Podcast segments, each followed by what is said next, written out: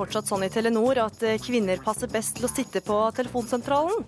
Bare tre av 21 i selskapets nye ledergruppe er damer. Provoserende, mener skipsreder Elisabeth Grieg, som møter konsernsjef Sigve Brekke. Det har aldri bodd flere med innvandrerbakgrunn i Groruddalen. Dalen er ødelagt, mener tidligere beboer. Integreringsjobben blir uh, umulig når nordmenn blir, blir uh, den minste minoriteten av alle, egentlig. Mens politiker foreslår å busse elever fra øst til vest i Oslo. Og norske kjendiskvinner går ut mot de verdenskjente stylistene Trinny og Susanna. Eli Hagen mener hun ble styla som et takras i programmet. Hun er en primadonna, svarer kjendisstylist Trinny. Hei og velkommen til ukeslutt her i NRK P1 og P2. Jeg heter Gry Veiby. Gratulerer som Oslos nye ordfører. Nå er ikke det avgjort enda, vet du. Det skal avgjøres i konstitueringen i Oslo bystyre på onsdag. Hvilken eh, ordfører vil du være for Oslo, hvis du får sjansen? Jeg tror ikke jeg skal begynne å snakke om det. Jeg, jeg, jeg syns det er hyggelig at folk har pekt på meg i denne kabalen, men jeg tror vi skal vente med å kommentere dette til vi kommer til konstitueringen av bystyret på onsdagen. Det er jo bystyret som skal velge byens neste ordfører. Men jeg syns selvfølgelig det er hyggelig at folk har gitt denne posisjonen til til, til, SV, og at de peker på meg, det syns jeg er spennende og hyggelig. Men jeg tror ikke jeg skal kommentere mer enn det nå i dag. Ja, Der hørte du Marianne Borgen, som altså ikke ville bekrefte at hun blir ordfører i hovedstaden da hun møtte journalisten i går kveld. Men alt tyder på at hun blir SVs første ordfører i Oslo, og hun overtar dermed ordførerkjedet etter Fabian Stang. Og det er litt av en overgang, eller hva, Marie Simonsen, politisk redaktør i Dagbladet? Ja, altså i hvert fall sånn overfladisk så kunne det vel ikke være en større overgang. Det er liksom fra Høyre til SV, fra Oslo vest til eh, Oslo øst. Fra en kjendis-gallionsfigur til en eh, mer anonym, nøktern, eh, praktisk politiker. Så, så, kontrasten er definitivt der. Og eh, Marianne Borgen er jo en veldig erfaren politiker. og jeg er spent på Jeg tror at hun kan gjøre det veldig bra som, eh, som ordfører. Hun har jo allerede litt sånn tilnavnet Mor Oslo, ikke sant? Eh, men men kanskje ønsket hun seg aller helst å, å, jobbe som byråd i stedet. Kommer hun til å være like populær, tror du, som Fabian Stang har vært? Det er jo alltid det man spør seg. Altså, Fabians Fabian Sang har jo vært øh, enormt populær og ble kjørt frem i valgkampen og har jo vært en velgermagnet øh, også. Men Så vi får liksom gi Marianne Borgen en sjanse. Hun må jo rett og slett bli mer kjent. Men hun er jo en veldig omgjengelig, utadvendt, engasjert dame. Så, så det tror jeg nok hun kan bli på kanskje på en litt annen måte enn Fabian Stang, da. Trond-Viggo Torgersen, da du var barneombud, hadde du henne som kontorsjef. Hvordan vil du beskrive Marianne Borgen? Jeg syns hun er først og fremst en entusiast og en, en, utrolig ordentlig og dyktig og forberedt eh, politiker. Eh, hos meg var hun da en fagperson som alltid var en sånn eh, murt støtte for alt jeg gjorde sånn faglig. Og alt hva jeg prøvet via Marianne. Og da kunne jeg få lov å være gallionsfigur. Det blir jo mm. spennende når hun nå skal være gallionsfiguren selv. Mm. Det tror jeg går bra, men jeg tror at hun må jobbe litt med sjenansen sin. holdt jeg på å si, Sånne litt eh, opppoppede settinger. Ja, du var med å style Marianne Borgen. Hvordan kom det i stand? nei, nei, det var bare at hun, eh, hun eh, var jo kledd som en, en, kvinne som ikke behøver så mye. Så vi eh, stylet henne opp til å og, og, og syns litt mer, så jeg fikk henne til å kjøpe en drakt, husker jeg veldig godt. Og da kjøpte hun en veldig pen, grå drakt, og da så hun plutselig ut som hun kom fra et, eh, en stor offentlig instans, og det hjalp meg til også å ha med meg sånn faget rundt omkring. Hun virker jo litt sånn mild og snill og kanskje litt eh, kjedelig, eller hva sier du til det, Trond-Viggo Torgersen?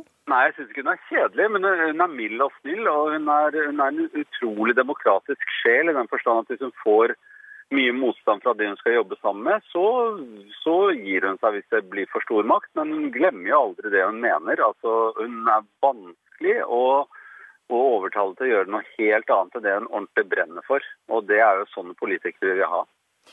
Eh, sønnen hennes Magnus skriver på Twitter at nå, nå, er du hele Oslos mor, og du som eh, kjenner henne, Torgersen. Altså, hvordan vil du beskrive frontfiguren for hovedstaden nå?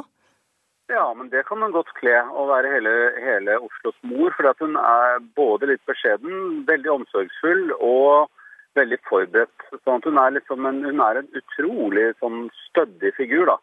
Eneste, Hun kan sikkert virke mye mer kjedelig enn forrige ordfører, men det tror jeg hun kan jobbe litt med. Hun er en veldig sjarmerende dame. Marie Simonsen, hva betyr det for SV at de nå får ordføreren? Det er jo en uh, veldig fremskutt posisjon for, en, uh, for et uh, parti som sliter litt, som SV gjorde. Og de gjorde jo ikke et veldig godt valg i Oslo. Skuffende for mange av dem. Så er jo det noe de kan bruke til å fronte SV. Du ser hvordan Fabian Stang ble brukt av Høyre, ikke sant. Men når det er sagt, så er jeg Kanskje Torgersen kjenner nok eh, åpenbart Marianne Borgen bedre enn meg, men, eh, men eh, du har jo sett i hvert fall politikeren Marianne Borgen kan også være ganske hard i klippene, og eh, hun er en brennende sjel for det hun er opptatt i. Og mange overrasket nok da det var hun som faktisk fikk på plass endelig kuttet den gordiske knuten om Munch-museet, og fikk eh, eh, solgte da Munch-museet på Tøyen, sånn at det blir Lambda i Bjørvika, mot dette såkalte Tøyenløftet måte, som jo hun mener er så viktig for den bydelen. Hvordan vil vi Oslo-borgere merke at det er en ny ordfører? Vi kommer jo først og fremst til å merke at det er et nytt, uh, nytt byråd, mm. uh, som er uh, hvor MDG og Ap ikke minst er med. Og det som er lekket ut av foreløpig, er jo at det kommer til å bli en mer grønnere retning. Vi kommer bl.a., som jeg spådde hele veien, at, eh, at, de kommer til å få til et bilfritt sentrum. Alle trodde at det var umulig, men det skal de få til i løpet av denne perioden. Og det, I 2019 har de sagt. Ja. Så, så, det er et ambisiøst løft. Og så er det mer sykkelstier og sånn, som ikke koster så mye. men Eh, ikke minst så har jo SV fått gjennomslag, ser det ut som, for gratis aktivitetsskole. Mm. Eh, så, så, dette er jo penger som de kommer til å trenge nye, eh, nytt innskudd fra. Og da kommer denne eiendomsskatten inn, som det jo nå blir. Det er jo det er kanskje det første man kommer til å merke. Og dette kommer det til å bli mye mer eh, framover i tida som kommer. Takk for at dere var med, Marie Simonsen og Trond-Viggo Torgersen.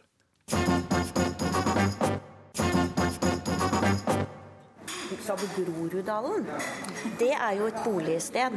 Tenker på drabantbyer som dukka opp på ja, slutten av 60-70-tallet. Da tenker jeg på fabrikker og kontorer og masse sånn, jeg.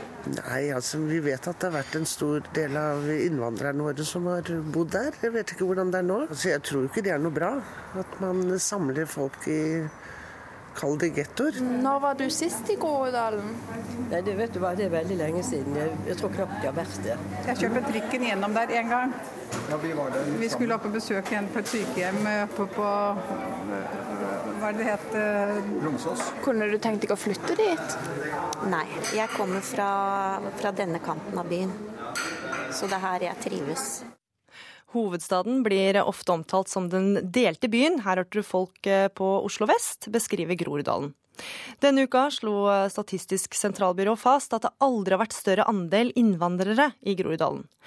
Men eh, betyr det at dalen er ødelagt, som flere hevder i boka 'Fremmed i eget land'? Ukesluttsreporter Runa Rød har fått guida tur av en av dalens mest ihuga forsvarere, nemlig Jan Bøhler. Bor du rett ved her, eller? Ja, Hvor der? Er det er fint her? Ja, er best. Vet du når familien min flytta inn her? For nesten 100 år siden. Vi er på Furuset, et område på Oslos østkant i Groruddalen, som gjennom årenes løp har vært et nærmiljø for bønder og arbeiderklasse. For mange vil en treningskledd Jan Bøhler med sekk på ryggen være et vanlig syn her omkring. Da var det ikke noen sånne blokker og sånn her. Da var det bare bondegårder og måtte, da måtte vi bære vann i det fra brønner, vet du. Man hente vann i sånne brønner i bakken. Jan Bøhler er stortingsrepresentant og leder for Oslo Arbeiderparti. Han er oppvokst i Groruddalen, og familien hans har bodd der i generasjoner. Han har blitt boende i dalen, nå på Haugenstua. Og besteforeldrene begynte livet på Furuset. Her er det gamle, det hvite huset oppe der, det gamle huset til besteforeldrene mine. Som er restaurert nå. Og det er huset gamle huset til foreldrene mine som ligger her. Ok, Så de var Det- naboer? Ja, de bygde på tomta. Det var liksom som vanlig før at barna fikk eh, Moren min fikk deler av tomta da, vet du, til besteforeldre. Denne uka kunne Statistisk sentralbyrå fortelle at andelen innvandrere i Groruddalen er større enn noen gang før. Omtrent samtidig kom også boka som beskriver hvordan etniske nordmenn i Groruddalen føler seg fremmede i eget land. De siste årene har også mange etniske nordmenn flytta ut av Groruddalen. Patrick Aaserud er en av de. Den sterkeste faktoren eh, til å begynne med var helt klart språk. Eh, barnehagen der jeg jobba, og mange barnehagene rundt, så utrolig mange barn med veldig, veldig svake eller ikke-eksisterende norskkunnskaper. Patrick jobber i barnehage og er selv oppvokst i Groruddalen. Men etter at han fikk barn, valgte han å flytte. Det språklige nivået blir jo ganske magert da, for de som i utgangspunktet har et rikt språk. Men de, de var så få at eh, det var, en, det var ikke så lett å spille på de lenger, som det var, var noen år i forveien. Her ser du jo eh, noen av gutta som driver med parkour. Hei, Håkon. Hallo. Hei, Martin. Hei. På tur med Jan Bøhler møter man mange kjentfolk. Tenåringene Håkon og Martin er to av de. De trener i Verdensparken på Furuset. Snakke litt om eh, Groruddalen og sånt. Det er jo kjempekult. Ja, det det- er skikkelig for. ja, ja. Det er dritbra. Ja. Skikkelig for Groruddalen. Ja, det er bra det. Gikk på ungdomsskolen på Ellingsøy, så var det vel eh, jeg og tre andre norske. Jeg har aldri vært så Jeg har aldri trivet så mye på en skole før. Håkon og Martin trives i Groruddalen, selv om også de fort blir påvirka av et miljø med mange innvandrere. For når man bor i drabantby, da, så blir det veldig sånn at man man, man legger litt an på hvordan man snakker med folk, og hva man sier. da. Så om jeg snakker med folk som har litt uh, gettonorsk, så snakker jeg selvfølgelig gettonorsk, jeg også. Eller. Eller kebab, da. Så, uh, men det funker for meg. Det har vært sånn hele livet. Så da, men det er jo det som er litt synd, da. For jeg føler at Groruddalen blir jo sett på som veldig ekkelt, da. Getto. ikke sant? Mens når man først er her, når man bor her, så blir man, man forelsker seg ganske lett. Vietnameserne de pleide å spille volleyball her. Og så hadde du pakistanerne, og så hadde du alle andre som bare ikke hadde noe sånn mange fra vårt eget land, men vi bare samla oss som en sånn derre blanding. Oji Okoroa Okoroafor er 35 år med foreldre fra Nigeria. Han ser på seg selv som norsk og er født og oppvokst i Norge. Når det gjelder oppveksten på Høybråten i Groruddalen, ville han ikke valgt noe annet. Det her var liksom greia. Jeg hadde mine venner her, jeg hadde tinga mine her, jeg hadde skolen min her, jeg hadde familien min her, og det var det du trengte. Samtidig mener han at det er helt naturlig at innvandrerne opphoper seg på ett og samme sted. Hvis du som nordmann hadde flytta til Afrika, og så hadde du flytta til et sted hvor det kun var bare afrikanere, ikke sant? men så hadde du hørt at i en by som heter Oslo i Afrika, bodde det litt flere nordmenn som du kunne samhandle med. Når du da har muligheten å rå, ville du ikke da kanskje ha flytta til Oslo? For å eventuelt da kunne være blant dine egne som du også kan prate med. Det er den samme greia her, den samme mentaliteten her. Orji forstår hvorfor etniske nordmenn flytter fra Groruddalen. Jeg skjønner jo disse innfødte som Eller disse etniske nordmennene som nå føler på en måte at de går liksom blant mange innvandrere og ikke på en måte har muligheten til å være med sine egne. Og kanskje var det sånn at alt var bedre før. Og det jeg hører, er ofte oss og de. Og den oss og de-mentaliteten, den hadde ikke vi. Forstår du? Vi hadde ikke den. Jeg gikk på skole med Monica, var hjemme hos Hans Christian, overnatta hos Raymond. Hvis du forstår hva jeg mener? Det var, det var mer naturlig å være sammen med etniske norske enn det det er i dag. Jeg er ikke enig i det, altså. Det kjenner ikke Jan Bøhler seg igjen i. Fordi jeg synes nok at det blir mer og mer vi, da. Det er nok noen, som Oji da ser, altså noen grupper i innvandrermiljøene som er mer fundamentalistiske islamister og noen som er mer eh, sånn negativt bevisste, altså som er mot integrering og kler seg i spesielle eh, plagg. og sånn. De er det blitt eh, en del flere av i de senere årene. Og som da synes godt i noen nærmiljøer, men de er et lite mindretall hvis man er inne, inne i miljøene.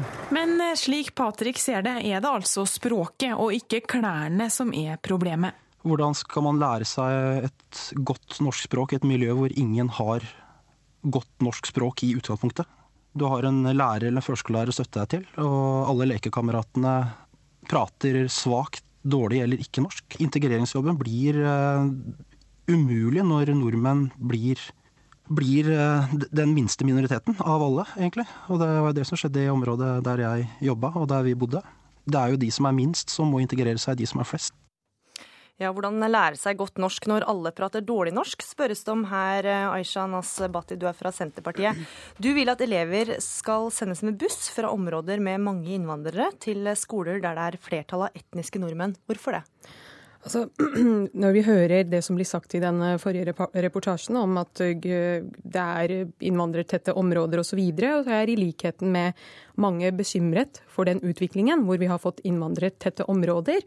Og som det også ble nevnt, at den oss og, den, oss og de-mentaliteten forsterkes, og den forsterkes ytterligere hvis vi får segregerte områder. Og Det er det som har engasjert meg, og det er det som bekymrer meg når jeg med jevne mellomrom leser eh, overskrifter som er født i Norge, gått i barnehagen, snakker ikke norsk eller kan ikke norsk. Så tenker jeg jeg har sett eh, at det, det har fungert i Danmark. De har gode erfaringer. Eh, de har gjort det i Århus kommune i ti år. Eh, så jeg mener at det er et enten så kan vi sitte passive og observere denne utviklingen, eller så kan vi ta grep. Og Det er derfor jeg ønsker at vi prøver ut bussing. Og det er ikke sagt at bussing eh, En får sånne bilder i hodet med at eh, barna stappes inn i en buss og kjøres av gårde til vestkanten. Det er ikke det som er tenkt. Først og fremst er det frivillig. I dag blir barn kartlagt i språk i norsk, og det kan en f.eks. tilby en plass ved en skole med høyere andel Eh, norske elever. Det har fungert i Danmark. Barna tilegnet seg dansk ganske raskt og effektivt, og det ønsker jeg at vi også prøver ut her i Norge, i Oslo.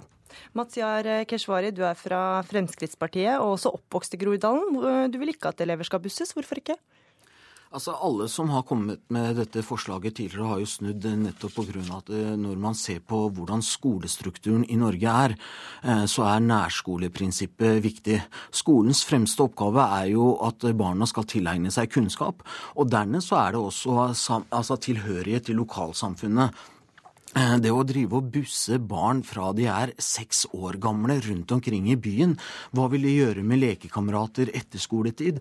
Hva vil det gjøre med engasjementet i kor, korps, eh, idrettslag og andre ting?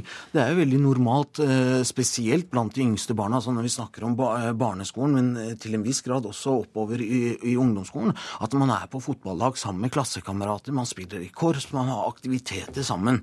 Men kan man ikke være på det etter skoletid, da? Eh, jo da, men eh, da, da, da fordrer det foreldre eh, som er nødt til å kanskje kjøre deg fra Gran skole, altså fra Furuset i Oslo til Montebello i, eh, på vestkanten. Og det er ikke gitt at det, er en eh, sannsynlig ting for de minste.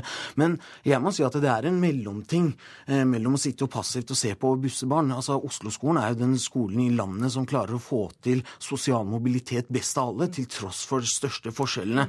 Altså, så da må la, vi sette inn la, trykket der. Men, men, det aller viktigste er Jeg er også enig i at det segregerte skoler ikke er det beste, men da må vi se på det som er hovedårsaken til det, nemlig den massive innvandringen til Oslo. Ja. La oss begynne med nærmiljø. nærmiljø. Hva med nærmiljøet? Ja, jeg, jeg, ser den, og det er som sagt mulig. Og vi må se på det praktiske. Hvordan skal vi gjøre det? Og se på detaljene nærmere. Men la oss se på statistikken, da. Majoriteten av barna er født i Norge, i Oslo. De majoriteten går i barnehagen, for det er iverksatt gode tiltak osv. Gratis kjernetid. Men likevel så viser det seg at eh, majoriteten igjen av disse barna over 50% har behov for særskilt språkopplæring. Mm. Og ja, det er blitt diskutert eh, tidligere, men det virker som politikerne har satt seg på bakbeina og skrinlagt en idé som kan gjøre noe med denne situasjonen vi har fått. Det handler om at barn skal møte hverandre altså, på tvers av ja. Men, men Batti, er det bare sånn at eh, østkantbarn skal mot vest, eller skal vestkantbarn også mot øst? Det ideelle, altså hele intensjonen er at barn, etnisk norske og minoritetsspråklige barn skal mingles mm. og at møte hverandre. og jeg, Det er jo da vi blir kvitt disse mm. fordommene, fremmedfrykten, og eh, vi blir bedre kjent med hverandre. Så mm. intensjonen er det faglige med at mm. språk, en lærer seg språket bedre og møter det norske språket på en helt annen måte enn, og, det integreringsaspektet at man mingles. Er ikke det et uh, poeng, Mazyar Keshvari?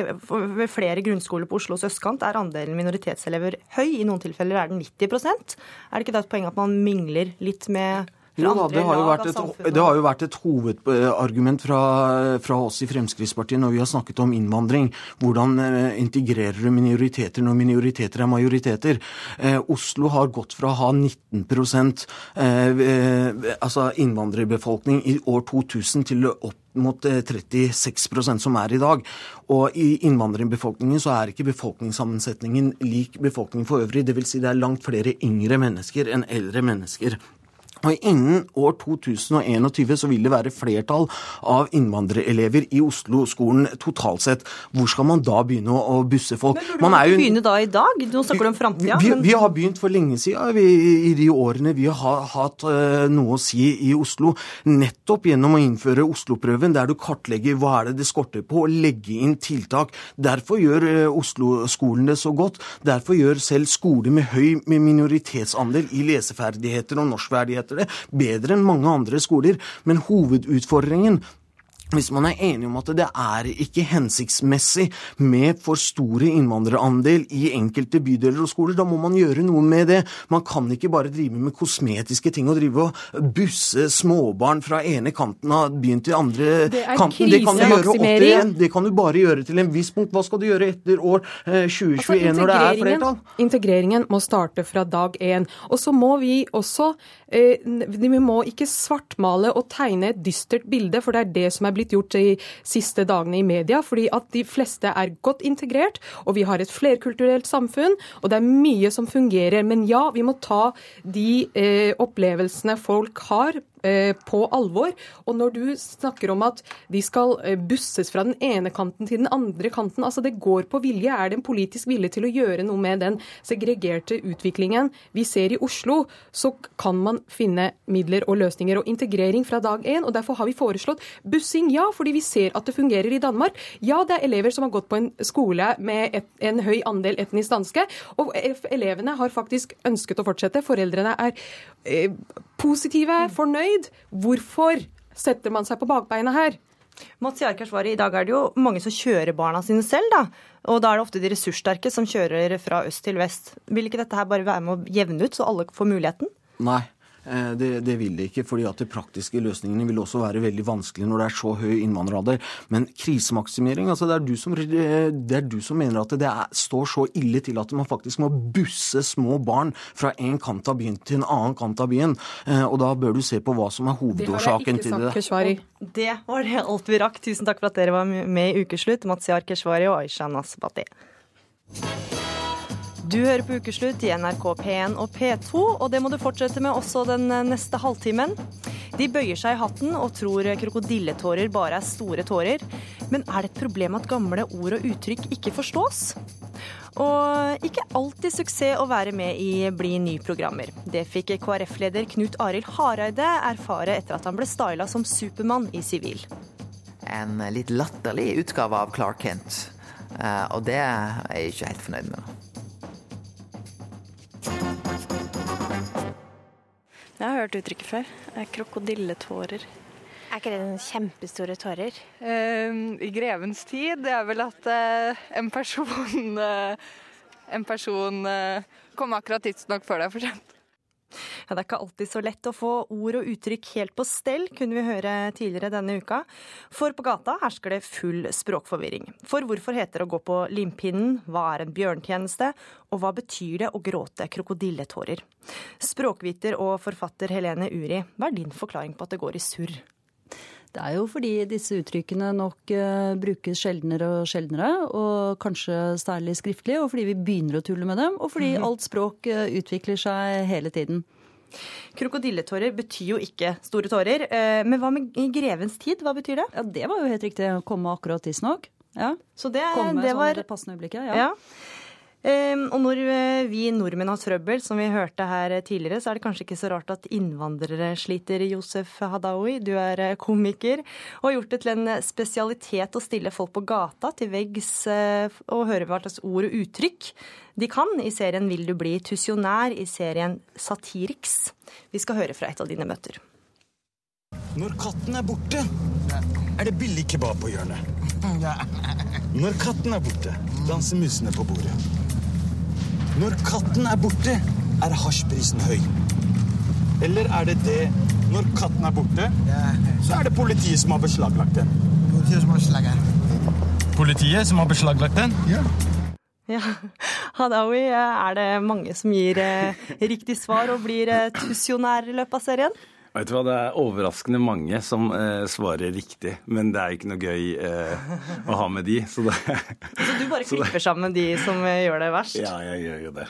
det men, men, de vi ser da på serien din, hvordan forklarer du at eh, mange av innvandrerne sliter med, med, å sette sammen ord og uttrykk? Eh, nei, altså jeg tenker at uh, det er jo sånn som den generasjonen til fattern. det er litt der jeg har inspirasjon fra. de på en måte, de kom kom så seint, da.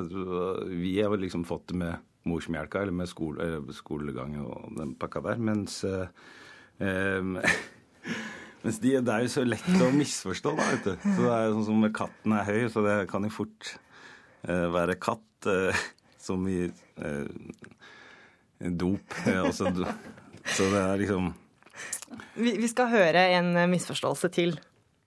Det finnes ikke dårlig vær, bare fravær. Okay. Det finnes ikke dårlig vær, bare dårlig værmelding. Okay. Eller det finnes ikke dårlig vær, bare dårlig klær. Eller det finnes ikke dårlig vær, bare dårlig kone som ikke pakker ordentlig. Dårlig kone. Dårlig kone som ikke pakker ordentlig. Ja. Det, ja. Fullfør dette norske uttrykket. Det finnes ikke dårlig vær. Men det finnes dårlige klær. Veldig bra. Det var første spørsmål. Der var det en tusjonær, eller? Yes. yes. Var, uh... Prøver du egentlig bare å vise at uh, mange norske ord og uttrykk er litt teite? Ja, det er jo Det ligger jo Jeg tenker jo at det er mye humor rundt uh, bare det å forstå selve uttrykket. Så, det, så hvis man bare justerer litt på det, så blir, er det bra humor, tenker jeg. Men Hva syns du selv da om uttrykkene mange tar feil av? Vet du hva, jeg stusser sjæl på Det er mange av de uttrykka som jeg på en måte jeg også tenker er litt sånn, sånn som stopp en halv. Altså halv hva da? Altså sånn Fatter'n er sånn som reagerer når jeg drar noen sånne uttrykk. Da han bare Hva mener du med en halv? Hva, hvorfor skal en halv stoppe? Og det er, sånn, det er, det er ikke så lett å forklare på en måte, hva, hva Helene Uri, vi ser på deg. Kan, ja, kan man forklare? Det er jo ikke halv engang med H-A-L-V, det er jo H-A-L. Og det er vel et, dette tror jeg er et gammelt sjømannsuttrykk, nederlandsk, så vidt jeg husker. Ja. jeg lurer på om det er uh, halv altså, uh, lurer på om det betyr å stoppe, ja. Stopp og stopp. Altså Samme som du har i holdeplass og halten på tysk. Nå okay. bare Dette må vi sjekke opp. Men det skrives i hvert fall uten V på slutten. Okay. Ja. Du sier jo Helene Juri, at det, det, vi tar sikkert litt feil for at ikke vi ikke bruker det så mye før. Men brukte man sånne uttrykk veldig mye tidligere?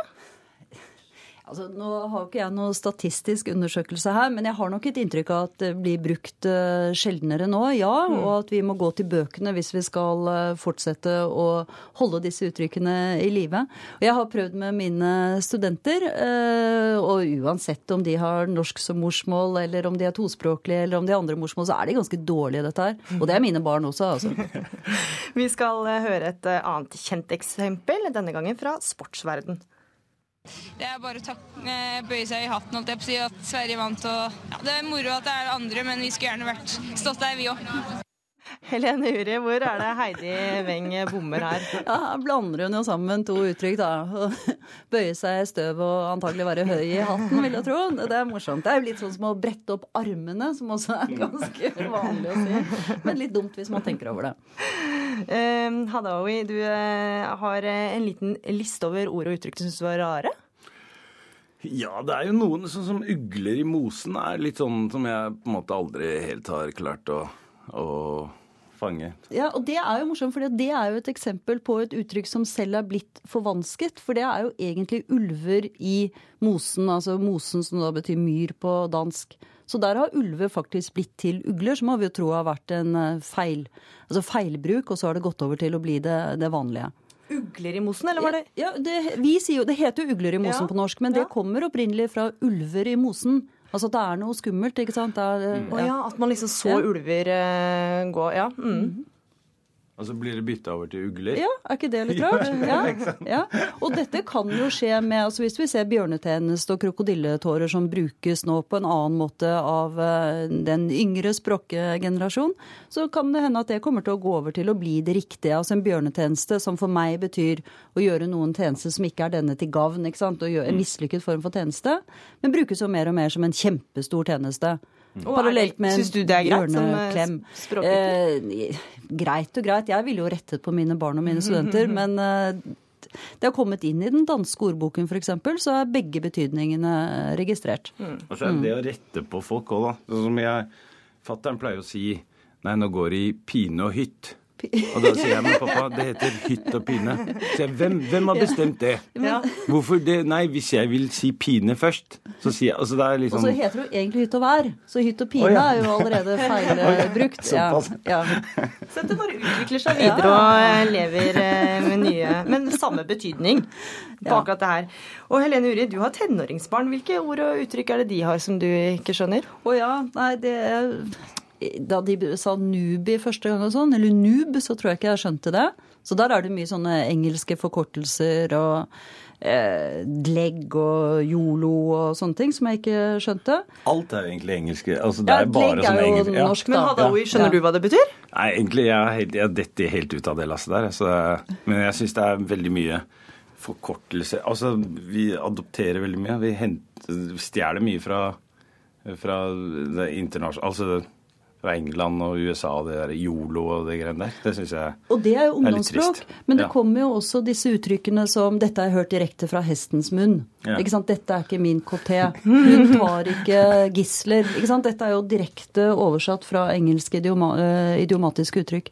Så det er også interessant. Det er eh, mange fornyinger av språket hele tiden. Og det at det kommer engelsk inn, Helene Uri, syns du det er eh, fint. Jeg registrerer det, men jeg syns jo det er trist hvis det går på bekostning av de gode, gamle norske uttrykkene vi har. Må prøve å bruke begge deler, da. Som å reise kjerringa, eller Ja, ja, ja. Hva, vet du hva det betyr, da? Ja. Hva betyr det? Det betyr vel å altså, gjøre en ekstra innsats. Ja, ja, men det er opprinnelig fra at man gjør båten seilbar igjen. Ja, det er noe, noe ja. seiluttrykk, det også. Det er veldig mm. mye seiluttrykk ja, mange av uttrykkene våre stammer fra. Ja. Tusen takk for at dere var med i Ukeslutt, Josef Hadaoui og Helene Uri.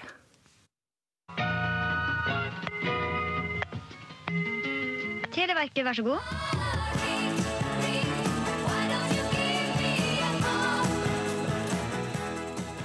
Det er ikke mange damer som er blitt ringt opp og tilbudt eh, lederjobb i Telenor. For da konsernsjef Sigve Brekke presenterte sin nye ledergruppe, var bare tre av 21 kvinner. Og det har fått eh, flere til å steile, blant andre deg, skipsreder Elisabeth Grieg. Du kaller det en provokasjon. Hvorfor det? Nei, det er klart at uh, For det første så lever vi i 2015, og da forventer vi jo at uh, vi tiltrek, prøver å tiltrekke oss de beste talentene i, uh, i, inn til norsk næringsliv. og Åpenbart så er det ikke det Telenor-sjefen gjør i dette tilfellet her. Så må jeg også si at når det gjelder største eier i Telenor, har gitt så tydelig beskjed gjennom Monica Mæland om at de ønsker større fokus på, på balansen mellom kvinner og menn. Eh, og da ville jeg som eier selv vært ganske provosert hvis, eh, hvis da ledelsen bare ignorerer den type signaler. Ja, Konsernsjef i Telenor eh, Sigve Brekke, det høres jo ut som en eh, Mad Men-episode. Er, er, det fortsatt sånn at eh, i Telenor så passer det best at damene sitter på telefonsentralen? Nei, La meg først si at jeg er den første til å innrømme at kvinneandelen i, i vår konsernledelse er ikke god nok. Eh, og Jeg vil gjerne snakke litt mer om eh, hva vi nå gjør for å bedre det. Men før jeg gjør det, la meg si bare en par ord om Telenor. Telenor er jo nå et internasjonalt selskap som opererer i 13 land. 33 eh, 000 ansatte, 200 millioner kunder. Og når jeg da omorganiserte nå, så det jeg egentlig da gjorde, var å ta bort et regionsledd, sånn at jeg kom tettere på kunden, eller tettere på de operative enhetene. Og I den forbindelse så, så valgte jeg da også å gjøre utskifting av tre personer. Eh, og to kvinner kom inn, og en mann kom inn. Eh, og så ble det da tydeligere at eh, de fleste av våre selskapssjefer faktisk er, er menn. Sånn Det er ikke sånn at det var 22 eller 21 stoler som var tomme, og at jeg da bare valgte å rekruttere menn. Det er, en, det er en, et bilde av hva som er realiteten ute i, i, Telenors operasjoner. Og så er det jo sånn da, at Telenor i Norge, der har vi 40 eh, i ledelsen som er kvinner. Telenor i Sverige da har vi 50% av de som sitter i ledelsen som er kvinner. Telenor i Serbia er også 50% øh, Sånn at dette her er ikke et norsk problem eller skandinavisk problem, men det er et problem i våre utselskaper, og spesielt da ute i Asia, i våre store operative enheter.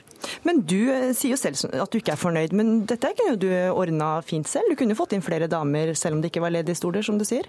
Ja, det er korrekt. Eh, men nå er, mange, nå er det sånn at mangfold dreier seg ikke bare om kvinner. Det dreier seg også om andre ting. Og Telenor da som et internasjonalt selskap med, 13, 13, uh, med operasjoner i 13 land, uh, så har vi nå gått fra en konsernledelse som e, egentlig bare var nordmenn, uh, til nå en konsernledelse der jeg har sju nasjonaliteter i konsernledelsen. Det er bare fem av 21 som faktisk sitter i Norge. Så jeg har nå valgt å bygge en konsernledelse som mye mer representerer hva Telenor faktisk er som et globalt selskap. Og så er det sånn at Dette er jeg ikke fornøyd med. Eh, og at nå skal vi jobbe veldig aktivt for å bedre det her. Og det starter med å sette klare mål. I dag så er 18% av våre toppledere, det er topp 180 i hele verden, er kvinner. Jeg ønsker at i løpet av 2016 så skal vi øke det til 25% Elisabeth Grieg, er dette godt nok? Først og fremst vil jeg si at jeg, jeg skjønner jo at uh, konsernsjef i Telenor har, et, uh, har en uh, kabal som skal gå opp, og at det ikke bare er å endre den sånn over natten. Så det er like mye av det jeg hører her nå. Så tror jeg jo at Jeg tror nesten ikke du vil snakke med noen konsernsjefer noen sted, spesielt ikke i Norge, som ikke vil si det samme som, som Sigve Brekke gjør her nå. Nemlig at vi satser på kvinner, og vi skal gå foran og vi skal skape eh, det enklere for kvinner å, å, ta ledende stillinger. Det som vil vise seg, er jo om det blir et resultat av det. og Der eh, kommer jeg til å følge nøye med, da. Men vi er jo i 2015. Burde vi ikke kreve mer eh, Grieg av konsernledelsen i Telenor? Jo, altså jeg, eh, jeg, kan jo bare stå på sidelinjen og si hva jeg tenker i forhold til at vi er, som du sier, i 2015, og at, eh, at vi ikke er kommet lenger enn en at tre av 21 i en konsernledelse er kvinner. Det er, det, det er, jo ikke noe annet å si enn at det er for dårlig. og det er, her, her må det jobbes på. og Jeg har ikke tenkt å gi meg, jeg har ikke tenkt å tie stille. Eh, jeg tenker jo at eh, eh, jeg har vært i næringslivet i 30 år nå, og det går ikke særlig fort. Men jeg tror jo også, eller jeg mener jo virkelig også at for verdiskapningen i norsk næringsliv, så trenger vi å trekke på all den gode kompetansen vi kan, og det gjelder også kvinnene. Hvordan rekrutterer du kvinner selv, Grieg? For det første så er jo vi veldig tydelige på at vi ønsker å ha en god balanse i, eh, i Grieg-gruppens ledergrupper eh, og i styrene. Eh, så i den grad vi, vi tar en på intervju, så prøver vi å sørge for at vi alltid har sånn i nærheten av 50-50 i forhold til hvor mange vi kaller inn. Og i den grad vi bruker rekrutteringsfirmaer til å hjelpe oss med, med det, så, så, gir vi den samme beskjeden til de at vi vil ikke se en liste som ikke består av en eh, balansert eh, også på, på, mellom kvinner og menn. Men det er ikke, ditt regnskap, regnskap ser ikke nødvendigvis så bra ut heller. For i Grieg Seafood er kun én av ti i ledelsen kvinner, mens åtte av åtte direktører i Grieg, Shipping Brokers er menn. Hvordan forklarer du det? Nei, Det er bare altfor dårlig. og Det sier jeg også til, til de to selskapene. At vi, vi, er ikke fornøyd med det. og Nå er det vel ikke helt riktig med én av ti, men, men Eh, jeg tror vi ser tre av åtte, hvis jeg fikk, fikk beskjeden jeg fikk tilbake fra konsernledelsen der. Eh, men i Grieg eh, Skiproker så er det rett og slett for dårlig. Så selv om eh, de også nå har tatt inn mye flere kvinnelige både meglere og analytikere og er i gang med et nytt program, så er vi langt fra fornøyd med det. Brekke, det er jo ikke bare Grieg som syns at dette er for dårlig. Politikere har reagert, andre næringslivstopper, også næringsministeren, sier at eh, den nye ledergruppa di det er for dårlig kjønnsbalanse. Hvordan er det å få den reaksjonen på den ledergruppa som du har valgt ut? Du har jo sittet ikke så lenge. Nei, nå har jeg vært, faktisk vært hos næringsministeren og orientert litt om eh, hvilke tiltak vi nå gjør for å forsøke å bedre på noe som vi også er helt enig i er for dårlig. Eh, og jeg har gått i detalj gjennom hva vi nå gjør, eh, helt ifra det med seks måneders eh, fødselspermisjon eller svangerskapspermisjon, til hvordan vi bevisst nå rekrutterer kvinner gjennom våre lederprogrammer, gjennom våre trainee-programmer osv. Og, og for meg så er det veldig viktig at, at jeg faktisk setter de måla og leverer nå på de tingene som, som jeg har vært veldig litt inne på her. Og for oss så, så dreier ikke dette her seg om en prosentmessig eh, kvinneandel. Det dreier seg om et mangfold er god, business. Eh, og større mangfold, være seg kjønnsmangefold, kjønnsmangfold, være seg geografisk mangfold, være seg kulturmangfold, er noe som er veldig viktig for oss hvis vi skal fortsette å vokse som et internasjonalt selskap. Grieg, helt til slutt, hvilke råd vil du gi til Sigve Brekke? Jeg tror du skal fortsette der eh, hvor du nå iallfall skisserer at du er i gang. Eh, og så tror jeg ikke vi skal se bort fra dette med eh, en pers altså persepsjon over hva som er en god leder. Det kommer jo stadig frem i nye undersøkelser at når vi ser en leder, så ser vi en høy og mørk mann. og og det er klart at Den persepsjonen den må vi få revet ned, og den er tydeligvis sterkere i Norge enn veldig mange andre steder. For vi er jo på 50. plass når det gjelder kvinnelige ledere i, i, i, i land vi kan sammenligne oss med. og det, det, er jo bare rett og slett for dårlig. Burde Sigve Brekke, Brekke egentlig vært en dame, Elisabeth Grieg? Nå har jeg ennå til gode å møte Sigve Brekke, Brekke, så det gleder jeg meg til. Men, eh, men jeg tror kanskje ikke vi skal ha noe kjønnsskifte. Takk for at dere var med i Ukeslutt.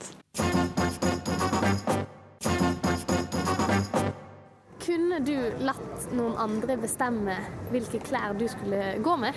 Egentlig tror jeg ikke hadde blitt så glad for det. Hvis jeg ikke kunne snakke og si noe, så måtte jeg bare godta det. Men ellers ville jeg ha et ord med i laget. Fått høre at jeg går med altfor stramme bukser. Det er ikke noe fint. Men jeg liker å gå med litt trange bukser. Skal man uh, i et bryllup og mørk dress og hvite sokker? Det går ikke. Nei. Folk eh, vil gjerne selv bestemme hva de skal gå med, men noen ganger overlates det til profesjonelle. Denne uka fikk eh, Bli ny-programmet Trini og Susanna Oppdrag Norge kritikk av flere norske kjendiser som ble flau over resultatet. Reporter eh, Marie Røsland har møtt flere av dem som opplevde at det å bli ny ble helt feil. Hvis jeg ligner på Clark Kent, så burde jeg være veldig fornøyd, da. Men det var litt mer at det ble en litt sånn en litt latterlig utgave av Clark Kent. Eh, og det er jeg ikke helt fornøyd med. Hva tenker du? Det var fresht. Det var fresht? Ja. Etter at eh, KrF-leder Knut Arild Hareide ble ny hos kjendisstylist Jan Thomas i TV 2-programmet Happy Day, fikk han høre at han lignet på Clark Kent. Dette var pga. et par kraftige mørke briller og en litt spesiell jakke. Ja, Det var jo blant annet ei litt sånn knall eh, lilla boblejakke som jeg opplever litt for stor for meg. Kanskje han har litt for stor tillit til overarmsmusklene til Knut Arild. Når Hareide i dag ser tilbake på opplevelsen, oppsummerer han den slik. Jeg ser bare positivt tilbake på de timene med Jan Thomas, og han ga meg gode råd. Eh, men han traff ikke helt, syns jeg. Susanna, Celebrity Special. Treffsikkerheten er ikke alltid på plass når noen skal bli ny. Det fikk de verdenskjente stylistene Trini og Susanna føle på etter at de hadde stylet en rekke norske kjendiser i et program på Kanal 5. Let's look at Sophie. Uh... Blogger Sofie Elise Isaksen mente hun ble stylet som en tolvåring, mens Eli Hagen var svært opprørt over hvordan håret hennes ble seende ut. I'm tired of my hair. Mm. I have this hair for at least 20 years. Mm. I'm afraid of changing my hair. Jeg er lei av håret mitt, jeg har hatt det i over 20 år og er redd for å endre det. Det sa Hagen til de to stylistene. Dermed så farget de det og børstet det helt flatt. Og jeg ble veldig veldig skuffa, for uh, jeg så ut som et takras etterpå, så det var en skuffelse. Det, var- det var ille. I tillegg fikk Eli Hagen på seg et par stramme jeans og en lyseblå herreskjorte. Dette på tross av at hun ga beskjed om at hun ikke trivdes i det antrekket. sa vel selv at jeg følte meg ikke vel i hva skal jeg si, trange, pinetrange bukser og topper. Og de sa jo da, da ser jeg så mye yngre ut. Og det var liksom så suverene. Du hadde ingenting du skulle ha sagt. Så det var en, jeg synes det var en forferdelig traumatisk opplevelse, hele greia. Hvordan ser det ut på håret nå, da? Nå ser det ut akkurat som jeg pleier, med stort hår og spenner. Sånn som jeg føler meg vel og går til daglig, og sånn får det bare være. Folk vil like, får like det eller ikke like det, men det er meg. Oh, please, that's so prima donna. Dette er Trinny fra Trinny og Susanna. Hun mener Eli Hagen oppførte seg som en primadonna og ber henne være et vanlig menneske. So it did hurt me when I read it because I thought, okay, you know, what did you expect this show to be? It's not Dancing with the Stars. Det var vondt å lese kritikken, men hva forventet hun? Dette er ikke Skal vi danse. So I had to think what was our one biggest intention in the show is to try to make a woman see herself from a different perspective. Hovedintensjonen vår er å få kvinner til å se seg fra en annen side. Helt ærlig ser jeg ut som om jeg har lyst på en mer feminin stil. Noen som virkelig fikk se seg selv fra et nytt perspektiv, var filmkritiker og programleder Brita Møystad, som fikk gleden av å fiffes opp av de britiske programlederne i fjor. Can, can you see any difference? Actually look like my mother. Nei, altså det første tanken som slo meg, var jo da at det himmel og hav, jeg ser ut som min mor eh, da hun var på min alder. Det tenkte jeg. Det har de da klart. De har faktisk klart å gjøre en eh, lesbisk middelaldrende kvinne om til en helt heteroseksuell middelaldrende kvinne. You as a woman, you dress. Møystad fikk høre at hun hadde en maskulin stil. Trinny og Susanna gikk drastisk til verks for å endre på dette. Jeg fikk i hvert fall på meg klær som jeg vanligvis ellers selv ikke ville ha kjøpt. En bitte liten hvit uh, kelnerjakke og så en svart catsuit. Uh, og veldig, veldig, veldig veldig høyhælte rosa uh, pumps. Som jeg faktisk ikke klarte å gå i. Okay, come on, come on, like shoeing a horse. It's like shoeing a horse. Eh, Men jeg hadde jo ikke noen forventninger om at jeg, jeg ville se eh, rent motemessig se lyset, og så storme ut og bare kjøpe catsuits resten av livet. Det forventet jeg jo ikke. Jeg har ikke tatt til meg et eneste råd eller et eneste tips. Men Knut Arild, du har gått i den typiske KrF-fella. Hva er det, da? Håret ditt. På tross av at sluttresultatet ikke ble helt som ønsket, tok Knut Arild Hareide med seg spesielt én ting fra møtet med Jan Thomas. Hårfasongen min eh, prøver jeg å freshe litt mer opp enn jeg gjorde før. Før så hadde jeg litt med den Playmore-sveisen som Kjell Magne har. Eh, nå har jeg litt mer eh, rufsete. Litt mer rufsete hår på Hareide der, som Marie Røsland hadde møtt. Jan Thomas har ikke vært tilgjengelig for kommentar for ukeslutt. Og med det er ukeslutt slutt. Ansvarlig for sendinga var Kari Li. Teknisk ansvarlig var Lisbeth Sellereite. Og her i studio var Gry Veiby. Takk for følget.